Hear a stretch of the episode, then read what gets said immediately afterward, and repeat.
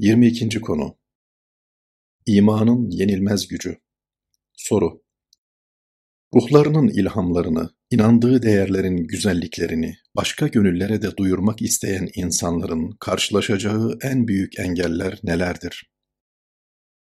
Cevap Dünyevi istek ve arzular, beşer için en büyük imtihan unsurlarıdır. Bu unsurların, fertlerin duygu ve düşüncelerini sarıp sarmaladığı, çepeçevre kuşattığı toplumlarda nice zulümler işlenmiş, nice sıkıntılar yaşanmış, peygamberler başta olmak üzere nice hak ve hakikat eri, amansız ve imansız saldırılara, çeşit çeşit hakaret ve iftiralara, hatta suikast ve katliamlara maruz kalmıştır. Nitekim ciğerleri dağlayan ilk hadise, sağanak sağanak vahyin yağdığı Seyyidina Hazreti Adem'in aleyhisselam evinde cereyan etmiş Böyle bir atmosferde neş'et etmiş olmasına rağmen Kabil dünyalık isteklerine ulaşma adına kardeşi Habil'in kanına girerek onu öldürmüştür. Şeytanın aldatmasıyla ilk macera böylece başlamış, bir daha da aldanışların sonu gelmemiştir. Kitab-ı Mukaddes'te anlatıldığına göre Allah'ın izni ve inayetiyle ezilmekten kurtarıp yeniden ikbale yürüttüğü kavmi tarafından Hazreti Davud aleyhisselam haşa ve kella, zina ve adam öldürtme gibi sıradan insanlara bile isnat edilmeyecek iftiralara maruz kalmıştı. O kavmi tarafından tabuta yani sandığa el basıp yemin etmeye zorlanmış, iki ayağı bir pabuca sokulmak istenmiştir. İnsanlığın iftihar tablosu da sallallahu aleyhi ve sellem düşmanları tarafından haşa yüz bin kere haşa sihirbaz, şair ve kahin gibi iftiralara maruz kalmış, anlatacağı hakikatlerin gönüllerle buluşması engellenmeye çalışılmıştır. Ebedi olanı burada yok etme. Benzer hadiseler bugün de olabilir ve bundan sonra da eksik olmayacaktır. Önemli olan bazı şairlerin yaptığı gibi dertlere destan kesmemek, onları sonraki nesillere birer şikayetname olarak aktarmamaktır. Evet, önemli olan başa gelen bütün bu sıkıntıları gönül rızasıyla kabullenmek, halka şikayette bulunmamak, tenha yer ve zaman dilimlerini kollayıp içini Allah'a dökmek ama feryadından kimseyi haberdar etmemektir. Zaman ve mekanın yegane sahibi Allah'tır Celle Celaluhu. Hüküm de O'na aittir. O halde neticeye karışmak bizim işimiz değildir. Onun hakkımızdaki hükümlerini takdirle karşılamalı, gelse celalinden cefa, yahut cemalinden vefa, ikisi de cana safa, lütfunda hoş, kahrında hoş. İbrahim Tennuri anlayışıyla hareket edilmelidir. Bazen celalden cefa, bazen de cemalden safa gelebilir. Bunların ikisini de bir bilmeli, ne safa ile sevinmeli, ne de cefa ile yerinmelidir. İnsan, ne yaptım da bunlar başıma geldi, bu ıstıraplar, sıkıntılar, dedikodular, çekememezlikler, hazımsızlıklar neden hep beni buluyor dememelidir. Bu konuda Alvar imamının inciden daha parlak şu ifadeleri ne kadar güzeldir. Aşık der incitenden, incinme incitenden, kemalde noksan imiş, incinen, incitenden. Evet, ille de ötede bir kemal beklentiniz varsa, dünyevi şeyler açısından burada kemale talip olmak, kemalsizlik emaresidir. Halkın alkış ve takdirini bekleme gibi arzular, ahiret adına birer iflas ve kayıp yatırımıdır. Kur'an-ı Kerim bizleri bu konuda uyarır ve اَذْهَبْتُمْ طَيِّبَاتِكُمْ ف۪ي حَيَاتِكُمُ الدُّنْيَا وَاسْتَمْتَعْتُمْ بِهَا Dünyadaki hayatınızda bütün güzel şeylerinizi harcadınız. Onların zevkini sürdünüz buyurur. Dolayısıyla Cenab-ı Hakk'ın lütfedeceği bütün lütufları öteye bırakmalı. Ahiret adına vaat ettiği bütün güzellikleri dünyada yiyip bitirmemelidir. Konuyla ilgili ibretlik şöyle bir kıssa zikredilir. Allah'ın salih kullarından birisinin hanımı Maişet darlığı yüzünden kocasına dert yanar. Ondan bu halden kurtulmaları için dua etmesini ister. Salih zat da hanımını kırmaz, dua eder ve duası kabul olur. Birden yanlarında altından bir kerpiç belirir. Salih zat hanımına, işte der, bu bizim cennetteki köşkümüzün bir kerpicidir. Bunun üzerine söylediklerine pişman olan o mübarek hanım kocasına gerçi çok muhtacız ve ahirette de inşallah böyle çok kerpiçlerimiz olacak. Fakat baki bir alem olan ahirette elde edeceğimiz bir mükafat bu fani dünyada zayi olup gitmesin. Cennetteki köşkümüzden bir kerpiç noksan olmasın. Onun için sen dua et, bu kerpiç yerine gitsin der. Hanımının bu samimi isteği üzerine o salih zat tekrar dua eder. Birden o altından kerpiç gözden kaybolup yerine gider. Evet, kendisini hakka adamış, bir mefkureye gönül bağlamış, milletinin ikbal yıldızını yeniden parlatmayı kendisine hedef haline getirmiş insanların yenilmez gücü, dünya ile aralarına mesafe koymaları, istigna ruhuyla hareket etmeleri ve kendilerini tamamen başkalarının mutluluğuna adamalarıdır. Vaka, hayatlarını ticaretle sürdüren ve kazandıklarıyla da iman ve Kur'an hizmetine sahip çıkan bazı insanların kalben dünyayı terk etmek şartıyla kesben ona talip olmalarında bir mahzur olmasa gerektir. Fakat temsil konumunda bulunup da kendilerini bu işe adamış hizmet erleri dünyaya karşı net tavır almalı, hep müstahni davranmalıdırlar. Zira onların en büyük kredileri istihnalarıdır. Onlar müstahni davrandıkça insanlar onların ağızlarından çıkacak sözlere kulak kesilecek, işaret ettikleri her meseleye gönül rahatlığıyla evet diyecek ve zerre kadar şüphe ve tereddüt yaşamadan yapmaları gereken vazifeleri yerine getireceklerdir. Olması gereken bu iken, maalesef görünen o ki, adanmışlık ruhuyla yola çıktığı halde, başlangıçta biraz istifadeden bir şey olmaz deyip dünyaya meyletmiş, ama sonra derinlemesine dalmış ve belini doğrultamamış, ona yenik düşmüş insan sayısı az değildir. Alvar imamının ifadeleriyle, nice servirevan canlar, nice gül yüzlü sultanlar, Nice Hüsrev gibi hanlar ve nice tacdarlar bir bir gelmiş ve maalesef bir bir yıkılıp gitmişlerdir. Hak erlerinin bu şeytani telakkilere kendilerini kaptırmaları, ben de kazanıp onlar gibi yaşayayım, benim de evim servetim olsun demeleri, kendi elleriyle kendi kredilerini bitirmeleri demektir. Kader onların sahip oldukları nimetlerin de ellerinden alınmasına ve nihayet ayaklarının kayıp devrilmelerine fetva verir. İşte o zaman da Allah Celle Celaluhu pörsümüş, cansız cesetler haline gelmiş olanları götürür. Onların yerine Kur'an'ın ifadesiyle yepyeni, yıpranmamış bir topluluğu getirir. Mütekebbirleri dize getirmenin yolu. O halde Adanmışlığın haysiyeti ve şerefi her halükarda korunmalıdır. İnsanlığın iftihar tablosu sallallahu aleyhi ve sellem her konuda olduğu gibi bu konuda da zirveyi temsil eden baş adanmıştır.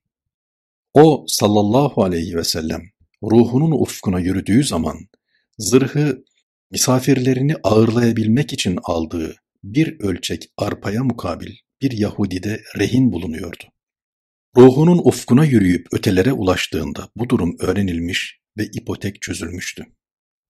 Hazreti Ebu Bekir'in radıyallahu an anlayışı Allah Resulünden farklı değildi. Nitekim ruhunun ufkuna yürürken kendisinden sonraki halifeye teslim edilmek üzere bir testi bırakmıştı. Vefatının ardından emanet ikinci halife Hazreti Ömer'e radıyallahu an teslim edilmiş merakla kırılan testinin içinden hilafet müddetince ihtiyacından artan paralar ve bir kısa mektup çıkmıştı. Mektupta şöyle denilmekteydi. Bana tahsis ettiğiniz maaş bazı günler fazla geldi. Bunu harcamaktan Allah'a karşı haya ettim. Zira bu halkın malıdır, devletin hazinesine katılmalıdır. Hazreti Ebu Bekir'in radıyallahu an bu hitabı Hazreti Ömer'i radıyallahu an duygulandırmış ve gözyaşları içinde şöyle demiştir.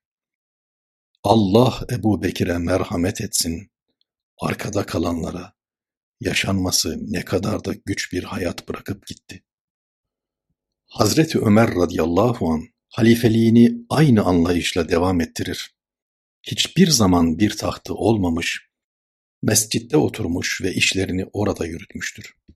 Mütekebbire karşı tekebbür, gururlu ve kibirli kişiye karşı mağrurane hareket etmek esastır anlayışını, lüks, şatafat ve debdebe içinde yaşamak için bir bahane yapmamış, aksine mütevazı haliyle o günün dünya devletlerini dize getirmiştir.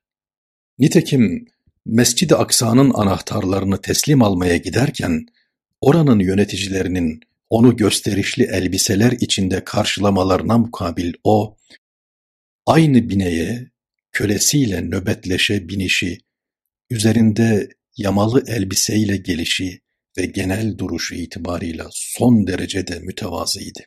Bu hadiseden de açık bir şekilde anlaşılacağı üzere, devrin mütekebbirlerini dize getirmenin yolu mahfiyet ve tevazudur. Bu hal ve bu tavır kibrin bin bir türünü yerin dibine gömecektir. Evet, Hazreti Ömer'in radıyallahu an ömür boyu anlayışı bu idi. Nitekim hiçbir zaman çocuklarıma, torunlarıma bir miras bırakayım düşüncesi içinde olmadı. Çocuklarını sahabe-i kiramın vefalı anlayışlarına emanet etti ve ruhunun ufkuna öyle yürüdü. Hazreti Osman radıyallahu an çok zengindi. Ticaretle uğraşıyordu. Ancak o Hazreti Pir'in ifadesiyle dünyayı kesben değil kalben terk etmişti. Nitekim Tebük seferine gidecek ordunun ihtiyacı söz konusu olduğunda yüzlerce deveyi yüküyle birlikte hem de kalbinde en küçük bir pişmanlık hissi duymadan sırf Allah rızası için infak etmişti. Eğer Allah Resulü sallallahu aleyhi ve sellem senin her şeyini vermen gerekir buyursalardı, hiç tereddüt etmeden getirip hepsini verirdi. Hazreti Ali'nin radıyallahu an hayatı da aynıydı. Bugünkü Türkiye topraklarının belki 20 katı büyüklüğünde bir ülkeye hakimdi. Sahip olduğu devletin sınırları bir kısım siyasi çekişmeler, hırgürler olmasına rağmen o günkü Pers ve Bizans imparatorluklarının bütününü içine alabilecek genişlikteydi. Ne var ki Hazreti Ali bazen yaz döneminde sadece kışlık elbisesi olduğu için o elbiseyle buram buram terliyor, bazen de kış mevsiminde yazlık eski elbisesi içinde tir tir titriyordu. Neden böyle giyindiği sorulunca da ben kendi imkanlarımla ancak bu kadarını temin edebiliyorum cevabını veriyordu. Müslümanlık buysa biz neredeyiz? Bugün biz de onların yolundayız deyip hayatlarını yazlıklardan kışlıklara seyahatle geçirenlere, çoluk çocuğumun, torunlarımın istikbali ne olacak diyenlere, devletin parası deniz anlayışıyla hareket edenlere sormak lazım. Sizin örneğiniz kim? Bir mümin olarak Karunlara, Ramseslere, Amnofislere ait olan böylesi düşüncelerden bütün bütün uzak durmak ve Allah'tan Celle Celaluhu hicap etmek gerekmez mi? Yüce Allah'tan dileğim odur ki, yüksek bir mefkureye gönül vermiş insanlar, bu hicap hislerini hep korusunlar. Dünyanın çelmesine gelmesin, bir elenseyle devrilmesin, bir kündeyle yıkılıp gitmesinler. Biz burada dişimizi sıkar sabrederiz, yeter ki ötede hiçbir şeyimiz eksik olmasın desinler. Evet onlar cahil geziyor zevrakı ikbali safada, arif yüzüyor merkeze girdabı belada. Ziya Paşa anlayışıyla kahru belalara razı olsunlar ama başkalarının şatafatlı hayatına imrenmesinler. Dünyalık şeyleri ayaklarının ucuna bulaşmış bir pislik olarak görsünler. Huzura varırken de kendilerine sorulacak ne bıraktın dünyada sorusuna aklıma bir şey gelmiyor cevabını verecek kadar ötelere yiğitçe yürüsünler. Zira mesleğimizin esası istigna, mahviyet ve tevazudur.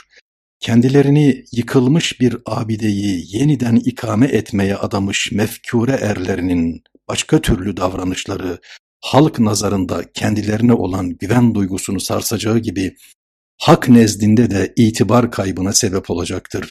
Tarihte örneklerine çokça rastlandığı üzere haktan haksızlığa, yoldan yolsuzluğa savrulanlar Hazreti Harun aleyhisselam gibi ortaya çıkmış olsalar da hafizanallah Karun gibi yuvarlanır giderler. Evet, adanmışlık düşüncesi karşılığında İstanbul'un, Viyana'nın, hatta Roma'nın fatihi olma gibi bir paye bile teklif edilse o hiçbir şeye feda edilmemelidir. Dünyaya gelirken nasıl hiçbir şeye sahip değilsek, öbür aleme yürürken de bir sıfır olarak yürünmelidir. Tıpkı yukarıda zikredilen örneklerde olduğu gibi. O örnekleri gören görsün ve takdir etsin. Zira takdirleri ahirette kendileri adına şefaate dönüşecektir. Takdir edemeyenlerin takdirsizlikleri ise kendi başlarına bir balyoz gibi inecektir. Onlar kınayanın kınamasından korkmazlar. Gül hare düştü, sine figar oldu andelip, bir hare baktı, bir güle zar oldu andelip. Naili Kadim beytinde ifade edildiği gibi bugüne kadar nice güller hare düştü, nice bülbüller feryadu figan etti. Bugün de feryadu figan etmek mefkure kahramanlarına düştü. Atılan iftiralar, kınanıp yerilmeler, alay ve istihzalar, nice entrika ve komplolar. Bütün bunlara karşı ne dünyadan safa bulduk, ne ehlinden recamız var. Ne dergâhi hüdadan mağda bir ilticamız var. Nef'i, anlayışıyla hareket edilmeli ve vakarlı bir duruş sergilenmelidir. Sadi'nin ifadeleriyle, kazara bir sapan taşı bir altın kaseye değse, ne kıymeti artar taşın, ne kıymetten düşer kase. Dolayısıyla eğer siz altın kase iseniz, varsın taşlasınlar, Allah'ın izni ve inayetiyle size kimse zarar veremeyecektir. Kur'an-ı Kerim وَلَا يَخَافُونَ لَوْمَةَ لَائِمٍ Onlar kınayanın kınamasından korkmazlar buyurur ve bize böyle durumlarda sergilenecek tavrı işaret eder. Diğer taraftan başa gelen her şeyin Hazreti Mahbub'un kurbetine vesile birer imtihan olduğunun şuuruyla zahiri sebepleri aşan bir nazarla hadiselere bakabilmeli. Nitekim bu ufkun kahramanı, asrın dertlisi, 28 sene çektiğim eza ve cefalar ve maruz kaldığım musibetler hep helal olsun. Bana zulmedenlere, beni kasaba kasaba dolaştıranlara, hakaret edenlere, türlü türlü ithamlarla mahkum etmek isteyenlere, zindanlarda bana yer hazırlayanlara hepsine hakkımı helal ettim diyor. Kendilerini aynı yolun yolcusu bilenler de Nesimi gibi bir cefakeş aşıkem ey yar senden dönmezem. Hançer ile yüreğimi yar senden dönmezem. Ger Zekeriya tek beni baştan ayağa yarsalar, Başıma koy erre neccar senden dönmezem. Ger beni yandırsalar, toprağımı savursalar, külüm oddan çağırsalar, settar senden dönmezem demeli ve söylenen kem sözlere takılıp kalmadan ve zihinlerini onlarla meşgul etmeden bütün himmetlerini yapmaları gerekli olan işe yoğunlaştırarak hak bildikleri yolda dimdik yürümelidirler. Hiç şüpheniz olmasın, adanmış gönüller, Mevla görelim neyler, neylerse güzel eyler deyip yürüyüşlerine bu anlayışla devam ettikleri müddetçe, Allah'ın Celle Celaluhu izni ve inayetiyle onun sıyanet kanatları altında hizmetlerine devam edecekler ve hiç kimse de onlara engel olamayacaktır.